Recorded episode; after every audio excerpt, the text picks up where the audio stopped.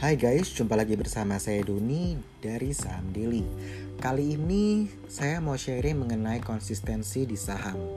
Jadi memang konsistensi ini merupakan hal yang tidak mudah dilakukan terutama oleh trader. Kisah-kisah dari klien-klien saya yang rata-rata curhatnya hampir sama dengan story dari Bapak Budi ini ya.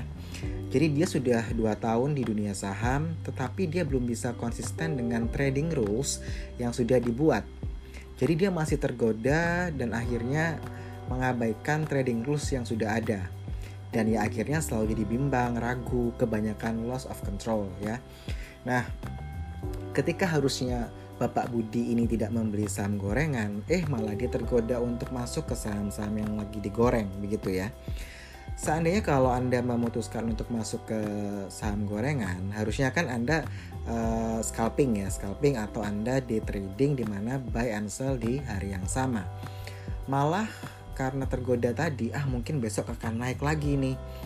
Tidak dilepas sahamnya hari itu. Jadi dia malah hold itu saham untuk keesokan harinya. Eh, keesokan harinya sahamnya dibanting ya kan oleh market maker.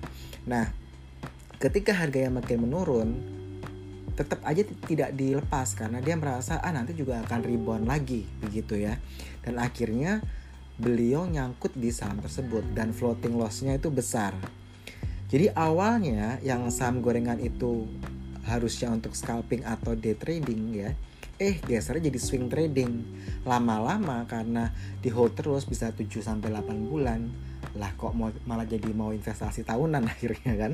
Karena memang uh, biasanya trader itu cenderung tidak mau mengakui kesalahannya. Tidak mau mengakui bahwa ini harusnya sudah di cut loss nih. Tapi uh, tidak mau. Ya tidak mau dilakukan. Karena biasanya ada kayak gengsi harga diri. Kayak aduh saya nggak mau deh uh, cut loss nih. Saya nggak mau kehilangan uang saya. Beda ketika kalau harga sahamnya naik. Lagi uh, kita bilang floating profit ya yang lagi naik. Naik baru 5% 6% udah langsung di sell. Begitu kan? Nanti ketika saham yang naik sampai 10% 12% 13% 15% 17% merasa bersalah atau guilty gitu ya. Aduh kenapa kemarin saya udah lepas duluan? Nah hal-hal tersebut yang memang sering kali uh, dialami ya oleh trader begitu. Nah memang pertanyaan bagaimana caranya untuk kita bisa konsistensi dengan trading rules yang pernah kita buat gitu ya. Ya memang butuh waktu ya butuh ini kan karena masalah mindset masalah mental anda ya. Anda bisa nggak sesuai dengan apa yang anda sudah set up begitu ya? Kalau saya sarankan biasanya kembali ke uh, titik nol lagi begitu. Anda riset semuanya gitu ya. Tapi memang tidak mudah ketika orang harus melakukan riset. Uh, riset itu artinya uh, mengenalkan lagi bahwa anda harus melepas semua saham-saham anda begitu. Itu biasanya yang tidak mudah dan biasanya kalau begitu saya uh, anjurkan pakai strategi yang apa uh, trade off itu ya. Uh, supaya anda bisa uh, perlahan-lahan mengurangi saham-saham yang merah tadi menjadi hijau. Jadi di trade off gitu. Nah kebanyakan trader saham ya tidak hanya pemula ya maupun yang sudah lama di dunia saham itu memang susah untuk yang namanya menahan dari godaan. Itu udah manusiawi sekali ya. Kita itu ada diskon dikit di mall tergoda ya kan?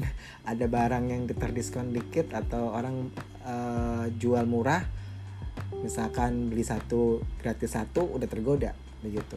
Ya itulah manusia. Tapi untuk di trading saham ini kalau kita bisa apa ya saya bilang benar-benar uh, mengerem. Nah, di situlah bahwa Anda mendapatkan satu langkah maju di situ ya. Nah, ketika Anda mampu bilang, ah enggak ah, saya udah terlambat nih untuk masuk di saham itu, saya nggak mau ambil resiko, saya cari saham yang lain. Nah, itu berarti Anda sudah mempunyai satu pemikiran yang berbeda, satu pola pikir yang berbeda, yang Anda tidak harus mengulangi kesalahan yang sama berulang kali, berulang kali, ya kan? Nah, Hal ini juga Pak Budi sempat sampaikan ke saya ya. Waduh, saya ini udah ikut training, seminar, webinar, online, tra online training, entahlah apa namanya sampai dia bilang begitu. Jadi dia sebutkan gitu ya, dia ikut di A, B, C, D, E dan saya wow. eh, nggak uh, kehitung berapa biaya yang udah dikeluarin cuman kembali lagi kembali lagi tadi karena masalah mindset dan mentalnya itu belum kuat begitu ya kalau dari awal kita selalu ada member baru masuk kita selalu jelaskan mengenai money management ya kan metodenya. Kalau berjalan dengan waktu kan kalau di premium member itu tiga bulan ya eh, minimal. Situ mulai diatur dari mindset dan mentalnya sebenarnya. Cuman tergantung lagi ada member itu yang dia aktif ada yang tidak.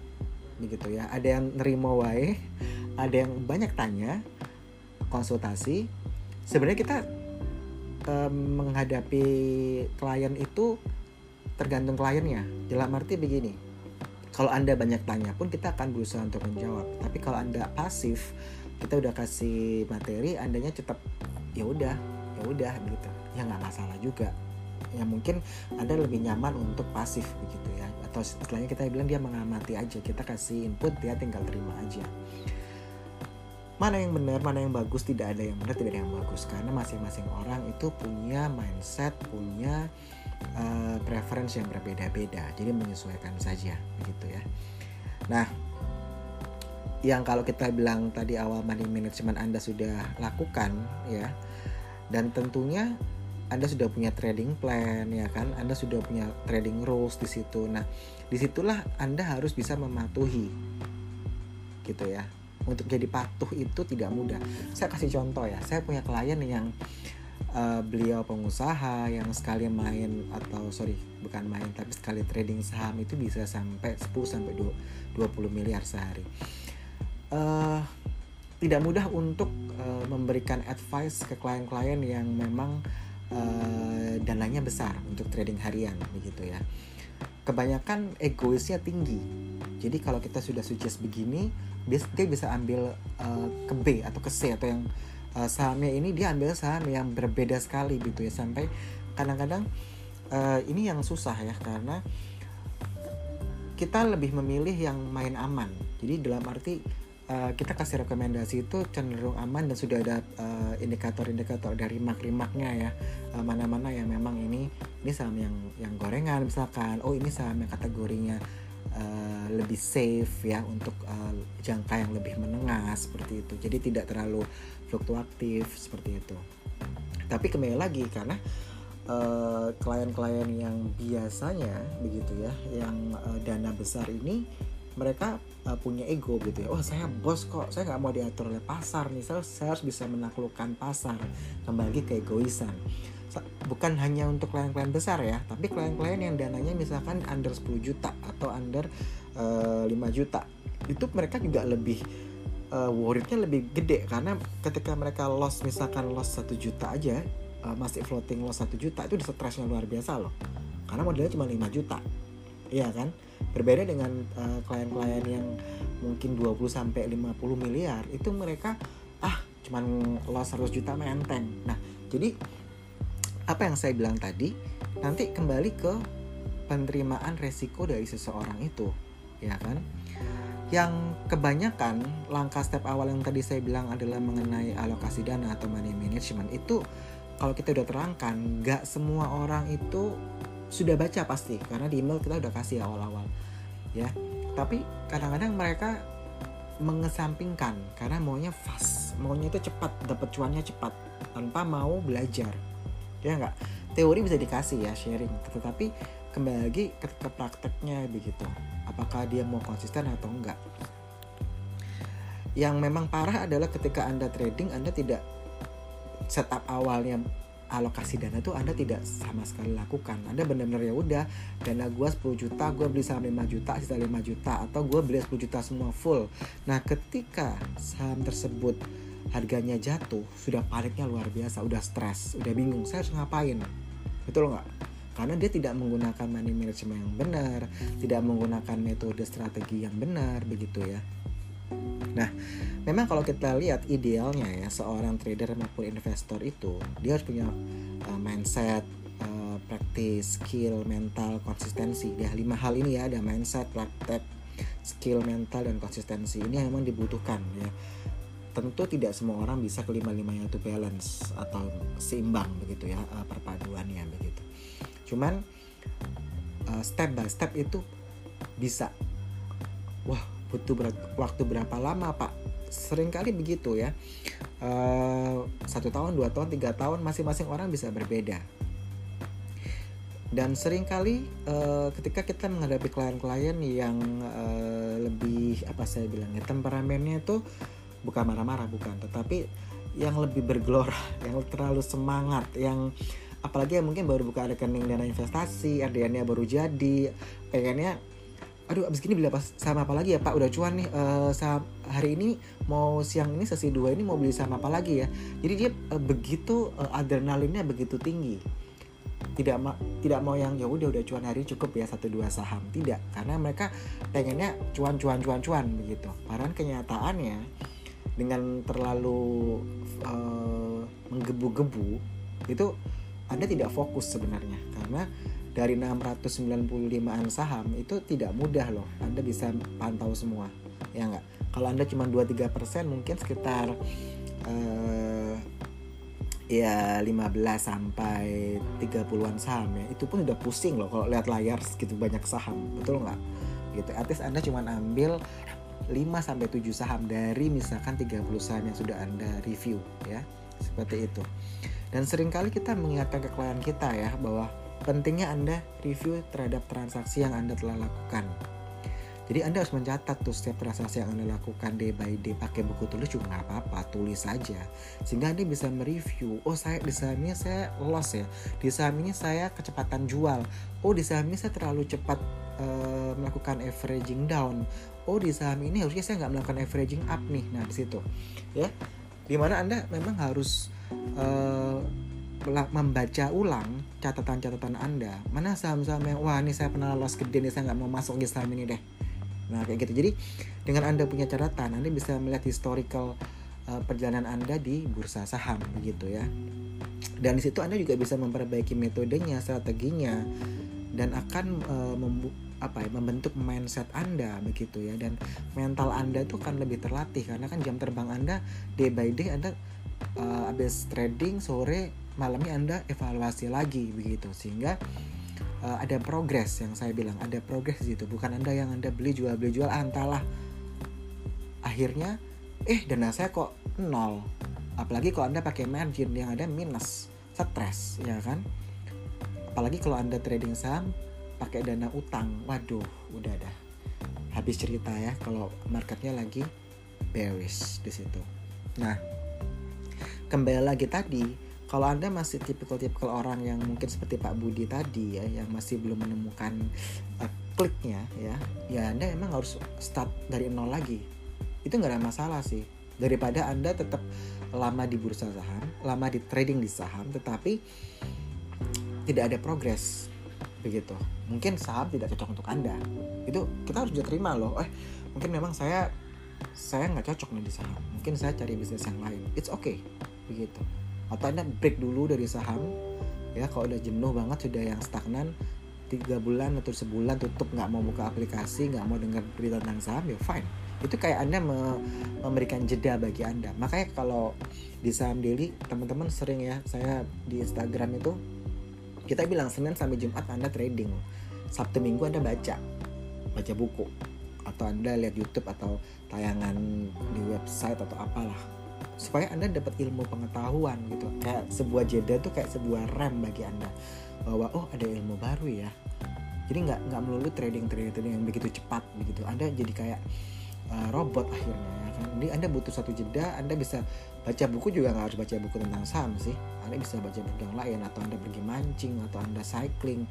So you have something uh, beside ya uh, stock itself gitu. Jadi nggak semuanya melulu tentang stok tapi kalau anda emang benar-benar kayak udah jiwa raganya di stok nih atau anda emang benar-benar yang trading for a living gitu ya benar-benar kerjaan anda ya cuman cuman saham ini begitu. Jadi beneran daging lah istilahnya. Di mana anda yakin bahwa di saham inilah uh, hidup anda uh, bergantung begitu ya.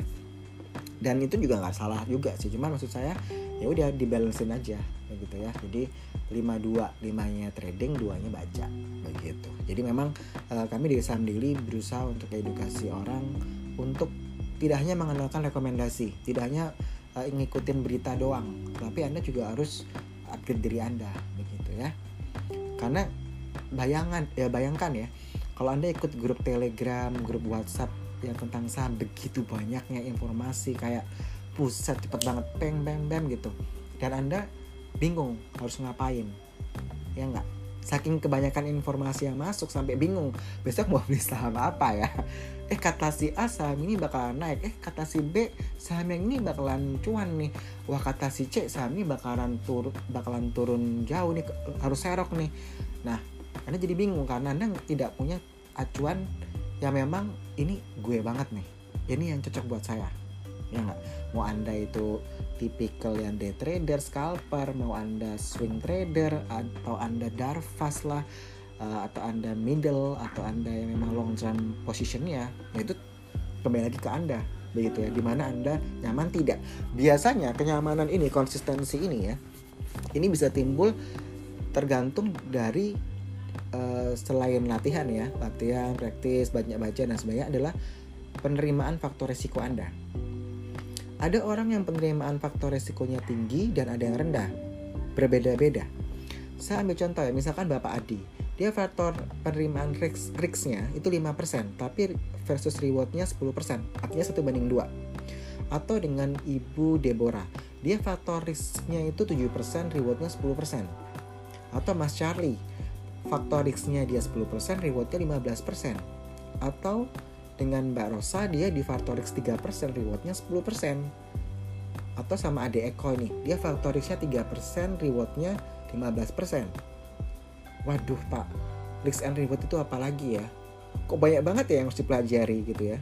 Untuk uh, bisa settle di saham begitu ya ketika trading maupun investasi saham. Ya memang begitu. Tidak jadi kalau ada orang yang uh, ini yang kadang-kadang saya lucu ya kalau uh, saya uh, dapat klien baru di mana mereka sebelum jadi klien ya biasanya tuh uh, admin kan selalu chatting dulu ya.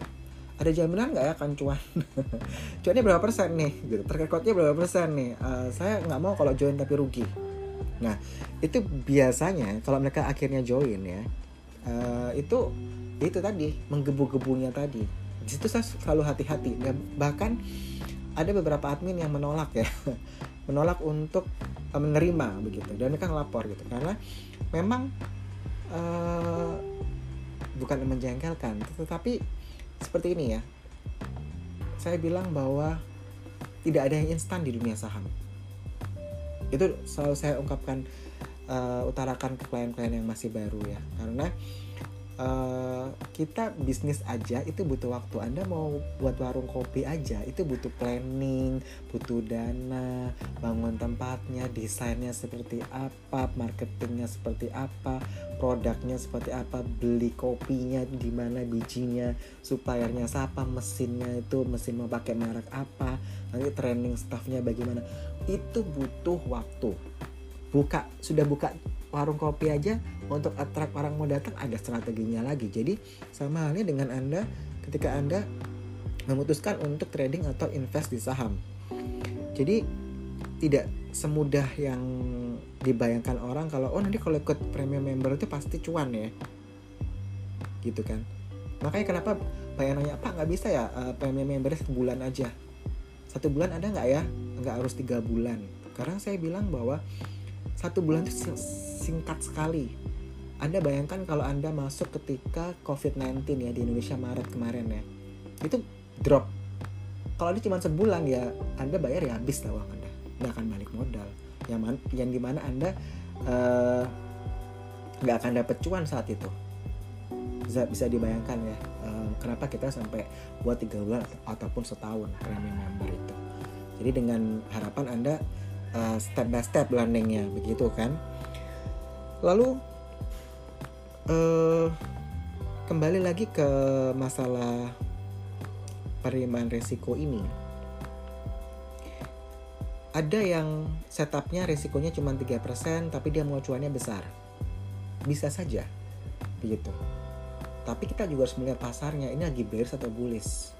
Anda lihat saham sesuatu saham itu suatu saham A misalkan dia udah turun 50%. Berarti kalau dia kemungkinan rebound dia bisa lebih dari 50% kan nah kadang-kadang orang ketika dia minusnya 50% itu saham terus ketika dia mulai rebound ya baru 20% udah di sell padahal dia masih panjang ceritanya itu. Begitu. Jadi ya memang dengan praktis nanti itulah ya ada jam terbang itulah yang bisa membuat anda merasa nyaman dengan uh, trading rules anda dengan mindset anda sehingga mental anda lebih tertata. Ya kan? Terus uh, kalau anda tidak mempunyai rules anda tidak punya mindset tidak punya metode ya anda benar-benar yang oh ya udah trading di saham itu ya sama dengan judi dong. Bisa untung bisa rugi uh, ya nasib-nasiban lah mungkin saya nggak hoki. Sebenarnya kalau anda melakukan yang tadi saya bilang ada money management di situ metode strategi ya nggak harus latihan banyak baca semua butuh persiapan loh. Misalkan ini hari minggu ya saya bicara. Ini tanggal 21 Juni 2020 besok tanggal 22 itu anda udah ngapain? Pertanyaannya gitu kan. Wah besok Senin nih buka nih. Saya mau bisa ini deh soalnya di, di berita udah begini nih. Uh, oh karena grup ini bilangnya begini saham ini. Saya mau ikutin itu deh. Ya nggak? Anda butuh persiapan kan? Nggak cuma ngikutin loh. Anda tahu nggak itu resist resistennya berapa supportnya titiknya berapa dia pada fase tren apa uptrend downtrend ya nggak? Masa-masa bullishnya atau bearishnya kapan ini market lagi bagaimana ya nggak? Kira-kira produk dan jasanya itu dibutuhin nggak di situasi COVID-19 seperti ini? Ke depannya seperti apa? Oh untuk trading memang sudah diakumulasi berapa? Ya nggak? Banyak nggak akumulasi? Atau dia pada fase yang distribution? Kayak gitu ya. Ini asing jualan apa beli ya? Terus bandarnya bagaimana? Nah tentu banyak faktor sekali ya yang memang nggak semudah itu. Jadi kalau anda masih belum punya apa ya kita bilang uh, suatu pola yang buat anda nyaman ya itu namanya dia masih melakukan judi di situ. Lebih besar faktor lucknya di situ ya. Anda uh, menaruh semuanya dan anda itu berdasarkan luck di situ ya. Jadi uh, tadi ada yang bertanya juga di Instagram kita ya. Saya tadi agak baca-baca banyak scroll ke bawah bahwa pertanyaannya butuh waktu berapa lama ya Pak supaya kita bisa konsisten bisa nyaman di trading saham atau investing di saham? Sebenarnya tahun pertama itu merupakan tahun pembelajaran yang paling berharga di mana sering sekali trader itu portofolio masih merah. Jadi kalau anda masuk 10 kali 9 kali anda kalah satu kali menang. Mostly. Ya. Biasanya kalau orang yang tahan banting ya itu dia nggak menyerah di tahun pertama. Tapi kalau yang sudah aduh stres gue karena dia nggak mau belajar ya di tahun pertamanya dia itu. Dia tetap aja ngikutin orang gitu. Dan akhirnya dia merasa bahwa kayak saham ini bukan tempat saya. Ya udah saya give up. Tapi kalau anda melanjutkan ke tahun kedua di sini biasanya ya biasanya ini sudah mau belajar apa sih money management itu? Ya kan dulu tahu sudah pernah baca cuman nggak pernah dipraktekin gitu ya. Uh, biasanya trading ya udah trading aja. Ikutin yang sekuritas misalkan sekuritas suka kirim pagi-pagi itu ya. Uh, rekomendasi udah ikutin itu deh. Gitu. Tapi sekarang dia mulai oh sekuritas itu kasih saham-saham ini. Cek lagi oh grafiknya seperti apa cek lagi volume kemarin. Ya enggak? Cek lagi pergerakan asing di mana. Cek lagi pergerakan bandarnya di mana. Cek lagi dia ini kondisinya lagi uptrend atau downtrend. Betul nggak cek berita. Ini ada ada ada suatu momen apa yang kita bilang bukan momen sentimen positif atau negatif di saham ini. Ya kan? Jadi kalau anda sudah melakukan itu di tahun kedua biasanya ya dia sudah mulai banyak membaca sudah mulai tidak serampangan, tidak asal ikut-ikutan begitu ya. Jadi tidak tidak hanya mengandalkan berita, analisa, rekomendasi dari A, B, C, D, E atau dari grup-grup atau uh, grup WA, Telegram, it is gitu ya. Tapi dia mulai benar-benar ingin kayak begini loh, kayak ada challenge. Masa saya di saham gagal sih setahun itu? Saya harus merubah dong. Nah, udah mulai ada keinginan untuk merubah, mulai untuk belajar. Nah, di tahun ketiga biasanya seorang trader atau investor itu dia lebih stabil. Begitu jadi mereka sudah benar-benar dari awal udah ngatur dananya sudah pakai strategi yang mereka sudah atur berusaha untuk mematuhi trading rules sabar dan tidak mudah panik. Lalu ada juga yang waduh pak saya udah lima tahun nih tapi masih aja nggak bisa menahan uh, godaan. Jadi tidak bisa uh, kontrol diri begitu. Ketika pasar udah buka dan mungkin lagi uh, hijau-hijaunya ini. Kalau lagi hijau-hijaunya sih nggak masalah ya yang jadi pertanyaan tuh kapan kita harus stop kapan kita harus sell. Nah ketika dia berbalik ya nggak? Nah anda menggunakan trailing stop nggak ketika anda trading? Nah hal-hal seperti ini yang memang harapan kami ya bahwa ketika anda join dengan saham daily premium member di situ anda uh, pemikirannya anda sedikit berubah. Dalam arti uh, ada perbaikan ada progres begitu ya. Jadi so far sih kalau kita lihat dan dari sekitar 95% itu bisa ya ada progres gitu. Yang biasanya tidak showing progress itu adalah orang yang kita kasih email saja itu nggak dibaca awal-awal ya join. Kita kasih kayak materi pendahuluan juga nggak juga ya udahlah gitu. Ah yang penting saya mau tahu besok mau beli apa nih yang direkomendasiin. Toh salam beli udah biasa cuan gitu. Jadi itu yang kadang-kadang sebenarnya kalau dari segi bisnis ya mungkin kita pengen orang itu tetap tetap jadi member kita. Tetapi secara hati nurani saya ya pribadi saya pengennya orang itu dia bisa memutuskan. Dia bisa menganalisa dia bisa mengolah data. Jadi tidak tergantung terhadap rekomendasi. Ada klien-klien yang memang sudah lama ya sudah 15 tahun di dunia saham 20 tahun sampai 25 tahun. Jadi mereka usianya di atas jauh di atas saya maupun tim saya rata-rata mereka gabung dengan rekom, uh, dengan premium member itu dan tidak cuma saham daily ya mereka join. Mereka join ke beberapa premium member dan mereka cukup terbuka ya. Mereka butuh untuk kayak sparring partner ya. Jadi untuk partner untuk uh, berdiskusi bahwa untuk pak ini seharusnya bagaimana ya ini jadi mereka sebenarnya sudah punya pilihan tapi mereka butuh second opinion gitu loh.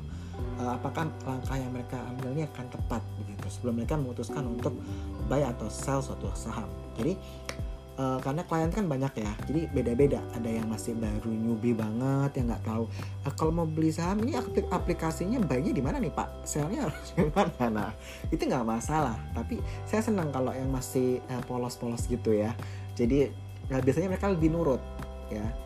Tapi ada juga yang posisi middle yang sudah tahun kedua tahun ketiga begitu ya. Apa yang sudah 20 tahun 25 tahun. Nah ini kalau yang sudah usia-usia yang 55 pensiunan nah itu rata-rata ya memang kalau saya bilang lebih stabil. Saya melihatnya mungkin juga faktor usia ya.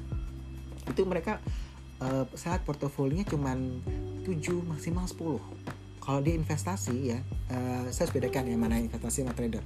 Kebanyakan yang dulunya itu sudah 15-20 tahun di dunia saham itu mereka investor. Jadi mereka nabung saham Nah, ketika mereka pensiun, mereka mau trading karena sudah nggak ada aktivitas nggak ngantor lagi. Jadi mereka mau, uh, saya mau mau mau trading, mau coba begitu.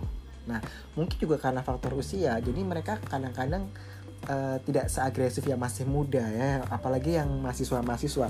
Ini kalau saya punya member-member yang masih mahasiswa ya, itu buset. Jadi uh, kita kasih 20 saham juga masih kurang ya. Tapi ya itulah ya.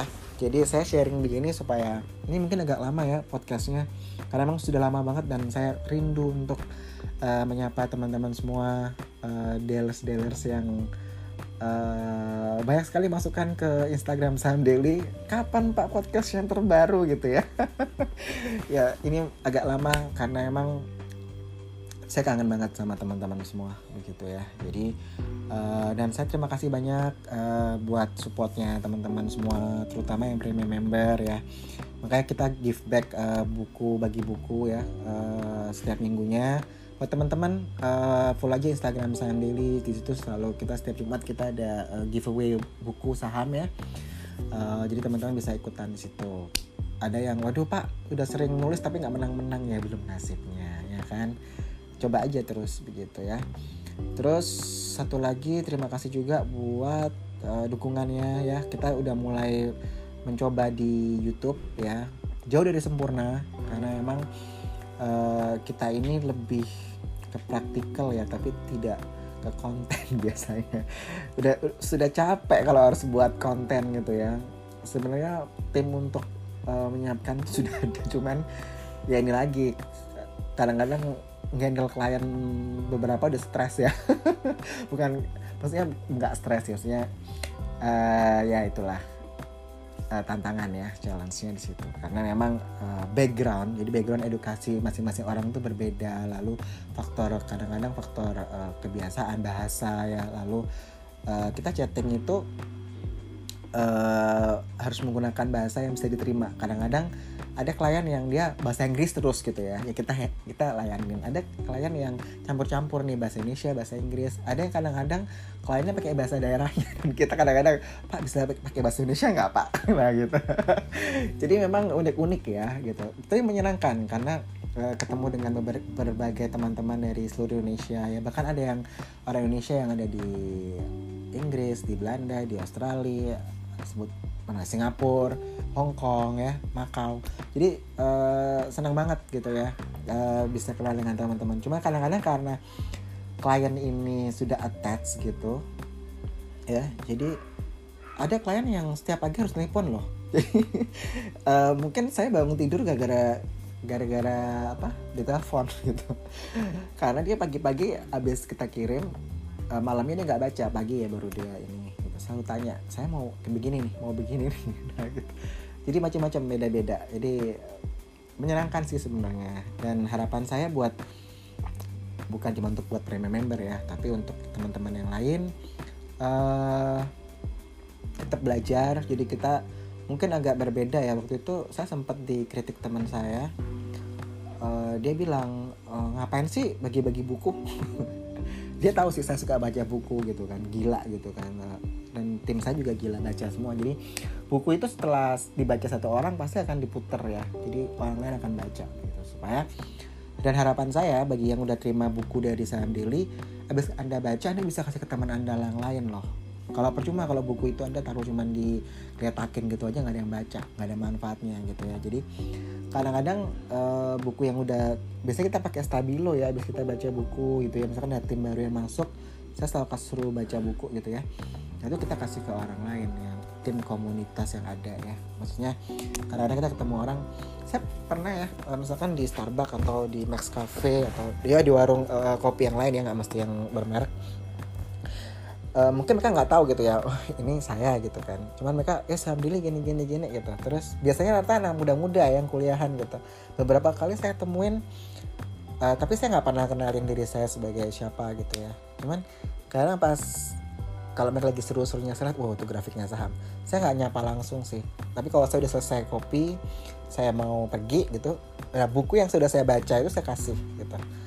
Jadi cuman mereka oh makasih ya gitu. Cuman mereka kadang nggak tahu. Cuman saya seneng banget karena uh, nggak melulu tentang Sam Daily yang dibahas di Instagram ya nggak nggak cuman mostly sih kadang-kadang mereka uh, jadi kayak lucu aja seneng aja untuk tahu orang eh udah kayak kebanggaan ya kita kerja keras selama ini dan akhirnya orang mengenal kita gitu. Uh, even kadang-kadang mereka nyebut uh, Instagram teman saya gitu ya yang yang lain gitu ya yang saham lain gitu. Dan saya juga apa ya kayak aduh bangga banget ya bangga karena anak muda sekarang itu tadi sudah tertarik dengan namanya saham ini jadi ngelantur ke mana-mana ya karena lama saya nggak podcast ya uh, buat podcast di sini. Dan kembali lagi ke Pak Budi tadi mengenai konsistensi ya memang uh, butuh apa saya bilangnya jam terbang waktu effort usaha ya maksud saya itu nggak mudah begitu. Jadi even saya handle klien saya yang sudah 15 tahun itu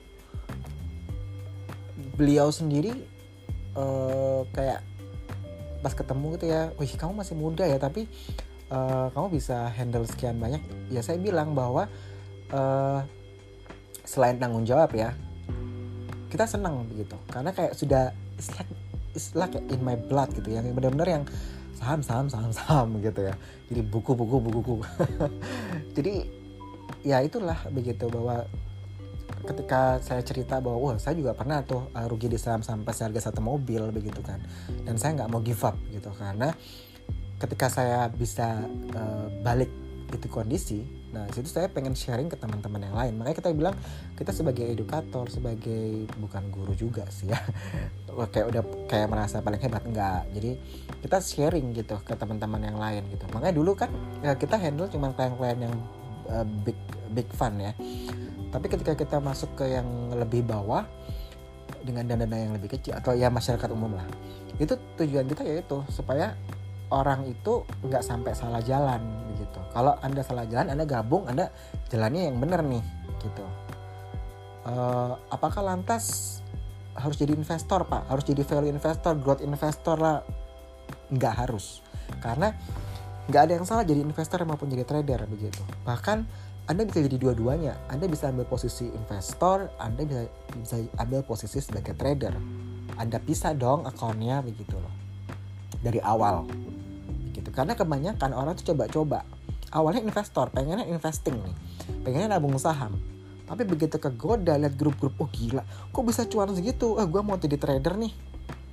Nah akunnya nggak buat satu lagi. Dia tetap pakai akun yang sama. Nah kadang-kadang faktor psikologis ya. Kalau anda pakai satu akun tapi untuk investing dan trading akhirnya ketika yang lainnya hijau-hijau-hijau yang yang trading anda merah-merah semua anda jual semua dan akhirnya ya kalau yang cuannya hijau itu lebih besar daripada yang merah.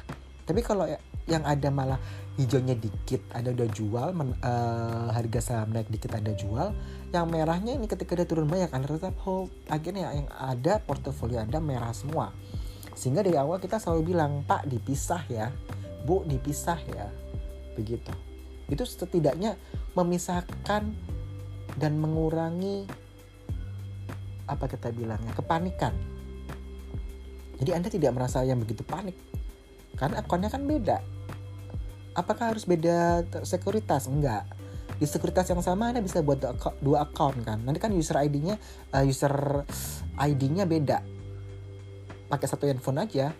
Misalkan yang investing ya Anda masuknya sebulan sekali. Yang trading ya setiap hari. Tentu Anda nggak akan pakai account dua-dua account itu kan.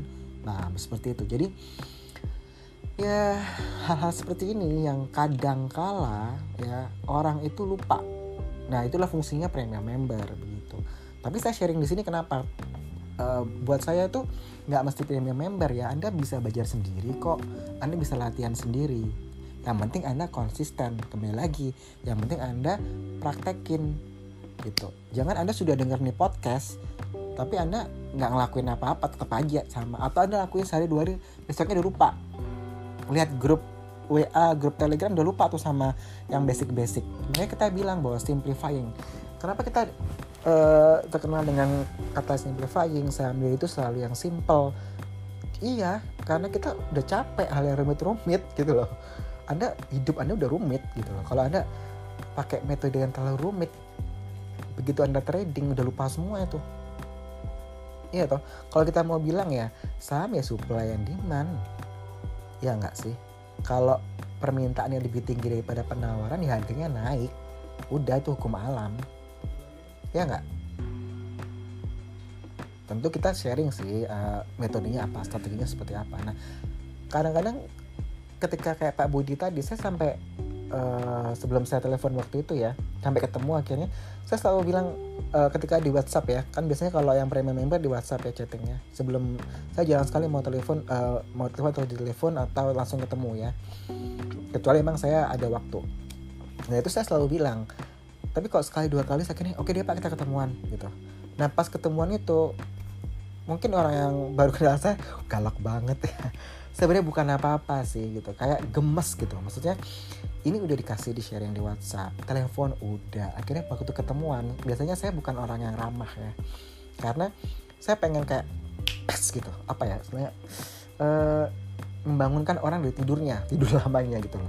Anda percuma loh kalau setahun di premium member tapi anda tetap begitu begitu saja. Ya nggak? Saya pernah tolak satu udah dua tahun ya premium member saya tolak. Ketika tahun ketiga karena saya melihat nggak ada progres dari orang ini gitu. Jadi kayak orang ini malas banget sih gitu. Saya jadi gemes akhirnya waktu saya ketemu sama uh, itu ibu-ibu sih sebenarnya. Jadi waktu itu saya bisa lebih galak daripada dia mungkin saya kayak emak-emak gitu. Saya benar-benar cerewet banget waktu saya uh, uh, sharing sama beliau gitu. Saya bilang ibu gitu kan e, beneran deh kalau ibu masih begini terus nggak mau berubah saya nggak akan mau tuh ibu ibu mau renewal lagi. Saya bilang karena nggak ada kemajuan begitu. Nggak bisa ada progres kalau nggak merubah mindsetnya caranya begitu. Akhirnya uh, waktu itu saya ingat ya sampai suaminya mendampingi dan akhirnya sekarang suaminya yang trading bukan ibunya. Jadi dan suaminya lebih bisa mengendalikan emosi. Jadi di situ tapi kalau kedua-duanya biasanya kan kalau ke Bali ketemu ya ketemu sama istri kan sama anaknya. Itu ibunya cuma senyum aja gitu kan. Dan dia senang karena suaminya ada progres. Nah kan waktu saya ketemu sama suami istri itu sama ibunya ya yang itu kan biasanya bapaknya lagi ngurusin anaknya gitu ya gantian. Nah, itu uh, akhirnya lama suaminya tertarik ya waktu saya mungkin nada saya agak tinggi tapi sebenarnya itu bukan marah tapi kayak penekanan ini seperti ini loh harusnya gitu. Karena kalau saya dilihat orang tuh rugi sampai dua mobil mau hampir tiga mobil itu saya sampai ini setiap tahun rugi satu mobil eh, kan jadi gemes begitu ya. Jadi uh, galaknya saya kalau anda punya guru yang galak ya saya lah tipe kalian gitu. Kadang-kadang saya bilang e, ini coba ya saya print gede-gede. Jadi waktu sebelum ketemu tuh saya udah print besar-besar. Karena saya udah tahu nih ini orang pelemahnya di sini nih. Sampai saya bilang mas suaminya tempel di apa dinding rumah di ruang bukan dinding bukan dinding rumah apa uh, ruang uh, tempat kamar tidur kalau perlu di kulkas pintu kulkas itu jadi ini yang harus dia patuhi nggak apa-apa satu rumah jangan tuh lihat tempelan-tempelan tapi setidaknya mindsetnya dia ketika dia baca dia baca. Ketika dia mau transaksi jari-jarinya itu mau apa kita bilang uh, melakukan transaksi itu udah mikir dulu tuh orang. Gitu. Jadi uh, ya itu kisah nyata yang saya nggak akan lupa sih. Tapi sekarang ketika suami yang handle wow itu udah hampir balik ya yang dua mobil rugi itu. Dan saya seneng sih gitu. Itu kayak kepuasan ya bahwa uh, jadi bukan cuma it's not all about money ya. That money that you are transfer you are transfer to us gitu enggak. Tapi it is about knowledge also the transfer of knowledge gitu ya ke teman-teman experience begitu. Ya kalau dulu masih ada training sebelum covid ya itu enak ya karena kita bisa uh, ketemuan langsung ya gitu. Sekarang kan agak susah ya gitu jadi hmm, challenge-nya memang untuk konsistensi itu ya kembali ke diri masing-masing untuk bisa uh, patuh terhadap apa yang sudah disepakati. Begitu. Jadi tapi ada satu contoh sukses ya uh, satu klien yang ada di Makassar ya. Itu dia benar-benar yang old school old school banget yang hmm, apa ya untuk internetan aja agak susah tuh orang gitu. Tapi uh, di sini dia uh, menggunakan broker ya. Jadi uh, eh, MI ya saya bilang manajer investasi. Untuk uh, dia melakukan jual beli ya. Jadi dia nggak pakai aplikasi handphone ya yang ada di situ. Jadi dia telepon sama brokernya. Dia dia ada biaya lah untuk itu. Nah jadi dia uh, sangat old school sekali. Tapi dia sangat uh, saya bilang mau belajar ya saya bilang bahwa uh, seorang pengusaha tapi dia mau untuk uh, apa kita bilang caranya tuh pakai buku tulis loh bener-bener ditulis. Dia nggak pakai yang tab iPad lah apalah nggak nggak pakai pis apa uh, laptop nggak. Bener-bener yang handphonenya handphone jadul. Itu handphone apa ya yang waktu itu saya lihat? Hmm, kayak tipe ke apa itu ya? Masih handphone handphone yang jadul gitu loh. Saya sampai lupa nama handphone, uh, tipe tipe handphonenya. Begitu. Dan dan itu ketika dia tunjukkan uh, buku tulisnya ya gede-gede tulisannya gitu-gitu. Walaupun dia pebisnis ya. Tapi saya melihat bahwa memang konsistensinya dapat di mana dia rajin mencatat gitu. Dan transaksinya dia per hari itu nggak banyak dia cuma ma uh, main lagi sore ya ini kayak saya saya susah loh untuk menghindari kata main ya uh, tradingnya itu uh, cuman 2 sampai 3 saham. 3 saham terlalu banyak buat dia. Jadi dia uh, kalau satu hari udah cuan di dua saham udah selesai. Karena kalau pagi dia sudah cuan dia nggak mau lagi sesi kedua. Jadi orang-orang uh, seperti ini memang jarang sih ya saya lihat. Tapi uh, ketika dia kita bilang dia old school uh, kayak misalkan Pak ini di YouTube gini loh Pak searchnya gimana ya? Nah itu dia nggak tahu. Tapi dengan cara manualnya dia dia bisa loh berhasil gitu jadi ini yang saya pengen kasih tahu ke teman-teman semua ya uh, tidak harus jadi orang yang pinter, tidak harus jadi orang yang punya IQ tinggi, tidak harus jadi orang yang edukasinya tinggi, uh, pendidikan S2, S3, nggak harus seperti itu, gitu kan. Bapak yang tadi itu saya sebut di Makassar, kebetulan dia cuma lulusan SMP loh, tapi bisnisnya bagus gitu. Jadi kayak orang yang memang uh, ditempa dengan kerasnya kehidupan ya. Jadi sukses karena memang bisnisnya dari nol seperti itu sehingga akhirnya dia memutuskan untuk masuk ke dunia saham ya seperti itu dan saya salut sama orang-orang seperti itu dan eh, nggak uh, jago bahasa Inggris bahasanya yang sederhana banget tapi kena nah ini yang saya bilang gitu kadang-kadang ketemu orang yang uh bahasa Inggrisnya pang pang pang buku yang dia baca itu Inggris semua blang blang blang blang. Tapi ketika prakteknya jauh dari itu. Jadi uh, iya pak saya tahu dia dia quote quote nya yang kayak uh, Benjamin Graham lah apalagi tuh Warren Buffett lah. Aduh saya udah nggak nggak tahu tuh mana lagi yang dia ini ya Jesse Livermore lah. Bukunya dia tuh koleksi lebih baik daripada kita dan kalau kita ngomong apa teori wah disampet sama dia. Cuman ketika kita portofolionya merah. Jadi di situ uh, saya ingin tekankan bahwa buat teman-teman ya nggak usah berkecil hati begitu. Karena masing-masing orang itu beda unik. Sama halnya ketika anda mau membeli atau menjual saham. Saya ambil contoh ya. Sama halnya kalau anda ke mall ke mall itu macam-macam loh. Ada mall yang dia uh, branded banget isinya. Ada mall yang mungkin isinya ya uh, merchant-merchantnya nggak terlalu ngehits brandnya. Betul nggak? Anda kan uh, ada kayak skala-skala ya. Mall yang gede mall yang kecil gitu ya. Sama halnya ketika anda membeli sebuah saham. Ada saham yang dihargai murah ada saham yang harganya terjangkau ada yang saham yang harganya mahal banget gitu ya tinggi harganya dan ada harga yang yang memang seharusnya kinerjanya uh, kinerjanya bagus tapi harganya di murah di pasar saat itu. Jadi kayak ada peluang di situ kan jadi di situlah uh, opportunity opportunity gitu ya. Tapi ketika seseorang sahamnya kan ada tuh saham A B C D E dan 695 saham ketika saya bicara. Permasalahannya orangnya kan beda-beda. Ya nggak? Saya ambil contoh oh saya modal 10 juta. Ya udahlah saya mainnya di saham yang di bawah 500 rupiah harganya. Ada nggak saham-saham yang bagus di bawah 500 rupiah? Ada. Betul nggak? Tapi ada orang oke okay, saya 10 juta saya masuk di saham yang di bawah 500 tapi saya ambil saham-saham gorengan. Lebih cepat mana tuh hilangnya uangnya? Ya nggak? Hangusnya. Betul kan? Nah gitu. Jadi modalnya sama bisa mengambil keputusannya beda. Ya nggak nggak usah jauh-jauh. Anda punya punya komunitas saham. Misalkan anda punya temen yang suka di saham itu ada lima orang. Itu lima kepala ini beda-beda loh. Besoknya belinya apa? Mungkin malam ini mereka bertengkar tuh. Enggak besok pagi yang naik itu bakalan BTBA oh enggak. Menurut gua yang naik itu Doit. Enggak. Ya besok yang naik itu Elsa. Atau enggak. Besok yang naik itu Indofood. Nah beda kan?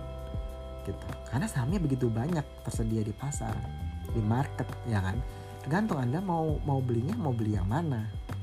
Gitu. Anda mau ikut ikutan suara terbanyak misalkan ada lima teman anda anda ikut keempatnya atau anda tetap saya sudah analis saya maunya ini. Betul nggak jadi karena spesifik itulah nah konsistensi tadi itu tergantung anda sendiri. Begitu. Kalau tips dari saya ya ketika anda sudah yang awal ya alokasi dana itu penting banget. Saya tekankan penting sekali. Kalau anda mau jadi investor ya dipisah. Jadi trader ya dipisah. Kalau anda mau jual duanya ya. Tapi kalau anda jadi investor ya udah investor aja. Ya gak? kalau anda mau coba jadi trader nah anda buat akun yang baru. Begitu. Dan mulai. Itu strateginya anda udah tata nih. Yang investing bagaimana yang trading bagaimana. Jadi uh, sudah ada pembeda di situ. Ya nggak? Yang kedua mengenai metode. Nah metode ini kan kita juga harus lihat di saat pasar bearish ataupun bullish harus bagaimana. Ya nggak? Trading plannya saya sudah buat dulu, betul nggak? itu untuk uh, antisipasi kan. Dari tadi saya bilang metode ini di risk and reward ya. Di situ anda bermain di situ. Ya nggak? Lalu ketika mengenai prakteknya nah ini praktek kan terjadi nih. Bisa anda ikutin strategi anda kan anda konsisten nggak sama strateginya ketika praktek tadi? Begitu. Lalu anda melakukan evaluasi ketika market selesai. Ya nggak? Kesalahan apa? Atau saya udah stick stick nggak sama trading plan yang saya udah buat? Sesuai dengan rulesnya trading rules saya nggak? Begitu. Ya kan? Anda review di situ. Jadi dengan begitu mental anda itu kayak sudah terlatih gitu loh. Oh pasarnya lagi bergelora nih lagi jelek nih lagi merah banget. Saya harus ngapain ya? Gitu. oh IHSG kalau merah sehari saya nggak mau masuk. Tunggu sampai empat hari baru saya masuk setelah itu. Boleh nggak? Boleh. Itu anda itu artinya anda tunggu badainya selesai. Begitu dia mulai membaik anda masuk. Nah ini kan namanya jam terbang ya. Nah, jadi tidak mudah gitu ya. Saya bilang metodenya boleh simple ya. Simplifying is the best rules whatever method you are using. Tapi kembali lagi ya ketika anda terjun benar-benar itu buku mungkin sudah nggak entah di mana atau isinya udah lupa semua. Karena kecepatan angka itu gerak kan gila ya. Betul nggak? Nah situ. Jadi tapi kalau Anda sudah terbiasa membaca, membaca, membaca, Anda selalu ingat dengan rules Anda, rules Anda, rules Anda.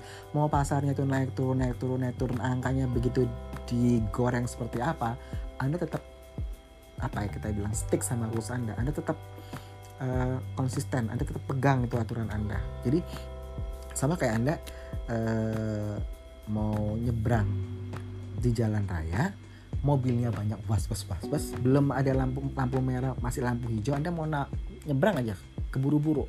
Ketabrak akhirnya kan. Tapi kalau anda mau pelan-pelan oh lihat uh, lampu lamp, uh, lampu lalu lintasnya. Ketika kuning oke okay, siap-siap. Ketika dia hijau saya baru jalan. Dalam artian kalau anda mengendara ya. Tapi kalau anda mau nyebrang ya kalau dia lampu merah baru anda jalan nyebrang. Di zebra cross ya tempatnya bener nih tempat penyeberangan gitu. Jadi ini yang saya bilang ya uh, analogi kita menggunakan kalau anda mau nyebrang jalan terus ada mobil lewat kendaraan lewat ya anda tunggu sampai lampu merah baru anda nyebrang begitu. Jangan anda nyebrang ketika lampu masih kuning atau lampu masih hijau. Itu namanya anda namanya bodoh sih menurut saya ya nggak jadi kenapa ada rules ada aturan jadi ada lampu merah itu ada zebra cross di situ ya itu supaya Anda diamankan di situ. Zebra cross itu ya ibarat trading plan Anda. Anda tahu seberapa panjang zebra crossnya, seberapa lebar itu jalan, sehingga zebra cross itu sampai sana. Ya enggak, lampu merah itu kan ada detik-detikannya ya, ya enggak. Begitu dia sekian detik, oh dia jadi hijau, jadi merah. Nah, di situlah anda harus sabar dong menunggu. Sama dengan ketika Anda uh, trading di saham. Kalau Anda gerusa gerusu gerusa gerusa ketabrak. Karena sudah tahu itu masih hijau, Anda jalan aja tetap nyebrang. Tapi kalau Anda mau sabar, eh masih lampu hijau, tunggu dong dia sampai lampunya merah. Bener nggak? Baru Anda nyebrang. Jadi itu adalah yang paling simpel semoga nangkep ya gitu. Jadi buat yang teman-teman yang uh, gusa gerusu uh, take it slow lah begitu ya jadi harapannya bahwa eh, konsistensi itu bisa dicapai ketika anda sendiri sabar anda tekun anda sesuai dengan trading rules trading plan ya anda atur money management anda dan mental anda akan kebentuk di situ. Nggak gampang nyerah juga nggak gampang frustasi begitu ya. Jadi semoga ini podcastnya lama banget. Uh, sebentar saya lihat mau satu jam ya. Semoga nggak bosen. Ini mengobati kerinduan saya dengan teman-teman semua. Oke okay, yang dengar dari iPhone maupun Apple uh, iPad atau MacBook uh, bisa ini ya kasih uh, komen bintang uh, rating terserah supaya tim kita lebih semangat lagi untuk sharing. Terus untuk yang tadi dia kasih masukan ya mengenai YouTube. Ya memang kita uh, namanya sama kayak orang belajar trading ya awal-awal masih kagok ya untuk buat YouTube-nya gitu ya. Jadi jauh dari sempurna saya bilang bahwa tapi ini suatu komitmen dari kita. Ketika followers Instagram kita menembus 20 ribu teman-teman mungkin masih ingat ya saya pernah bilang bahwa kalau uh, dulu saya jelaskan di mana ya? Di Instagram Instagram Story mungkin ya saya lupa. Kalau followers IG kita di atas 20 ribu kita akan buat uh, apa? Uh, YouTube ya. Jadi sudah ada YouTube-nya Saham Daily tapi memang mungkin baru berapa? Baru empat ya. Jadi uh, ya nanti semoga kita udah punya waktu dan kita akan sharing. Kemarin kalau nggak salah kita upload yang basic series ya.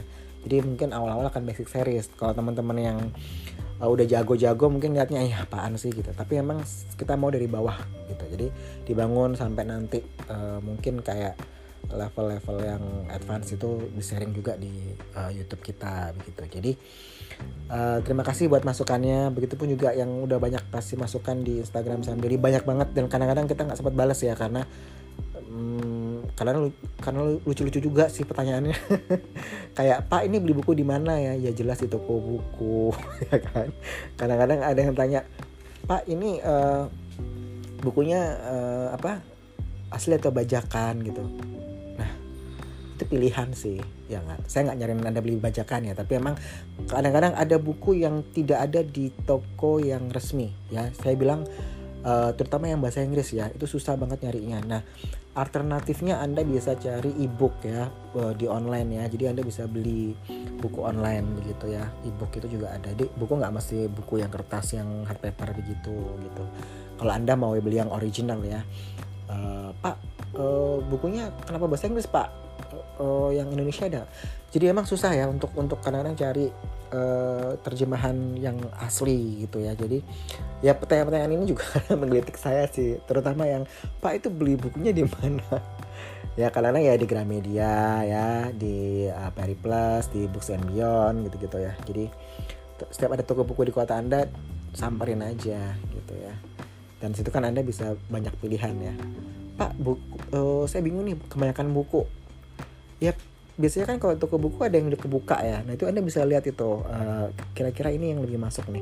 Ah ini teori doang nih saya malas nah sesuaikan dengan anda gitu ya. Jadi nggak nggak mesti saklek juga. Dan nggak harus juga dari buku sih YouTube juga banyak ya. Saya lihat teman-teman uh, teman-teman analis banyak yang sharing juga gitu. Jadi it's okay kok. Belajar bisa dari mana saja yang penting anda konsisten lah itu lebih baik Anda melakukan sesuatu yang uh, mengisi dengan apa ya mengisi dengan pengetahuan dibandingkan Anda cuman hmm, berdasarkan apa yang ada di sharing di grup-grup ya. Nggak ada salahnya sih masuk ke uh, grup Telegram grup WA nggak ada salahnya. Ya saya lihat ada beberapa grup Telegram yang bagus ya yang sangat edukatif. Jadi tapi ada juga yang mungkin aduh jadi ribut gitu ya. Kadang kalau gitu udah udah saya silent deh. Karena jadi jadi noise ya gitu ter, terlalu banyak info yang nggak penting gitu. Jadi oh iya ini juga saya sambung lagi tadi mana telegram sendiri ya. Uh, banyak yang kok ini telegramnya kayak mati gitu cuman sharingnya cuman gitu-gitu aja. Ya memang itu begitulah kita gitu. Kalau anda mau buat rame ya teman-teman ramein dong ya nggak? Ya kan? Sama kayak grup WA grup WA itu kan ada beberapa grup WA ya. Ada grup WA yang wah ini aktif banget uh, saya kadang-kadang lihat wah ini yang yang masuk ini yang suka ngomong ini jago-jago sebenarnya gitu tapi ada grup WA yang kadang-kadang sharingnya lucu-lucu jadi kadang-kadang kadang kalau adminnya sebel ya kadang-kadang kali itu ya judes kelihatannya di situ sih oke jadi ini udah panjang banget udah sejam kayaknya uh, ntar Oke, mau dikenai sejam ya. Ini masih 58 menit. Jadi buat teman-teman, uh, terima kasih terutama untuk semua yang sudah support kita dari nol sampai hari ini. Jadi saya kemarin uh, sempat di apa? Ada satu masukan dari bukan fans ya, tapi dari yang dari awal banget ngerti saham daily dan dia uh, mungkin dia merasa bangga juga gitu ya bahwa melihat melihat pertumbuhan dari saham daily gitu yang dari nothing gitu ya. Dan sekarang bukan berarti udah besar bukan. Kita masih pie lah dibandingin sama senior senior yang lain ya. Tapi di situ dia melihat bahwa wah ini beda ya gitu. Karena ketika waktu itu saya sama tim memutuskan untuk bagi buku itu mungkin bukunya nggak nggak mahal loh ya bukunya biasa-biasa aja. Cuman dia melihat ada etikat baik dari kita gitu bahwa wah ini beda nih dibandingin yang lain-lain gitu. Terus saya bilang emang tujuan awalnya yaitu sharing is caring sebenarnya kan bahwa uh, ilmu itu mau ngapain sih? Mati juga nggak dibawa ya nggak? Kayak podcast ini ya kalaupun saya meninggal atau siapa gitu orang masih bisa denger loh gitu loh. Itu kayak legacy gitu kayak sesuatu yang bisa kamu pass on ke generasi yang berikutnya gitu. Jadi buat teman-teman semua juga tadi saya bilang kalau anda dapat dapat buku anda habis anda baca kasih ke orang lain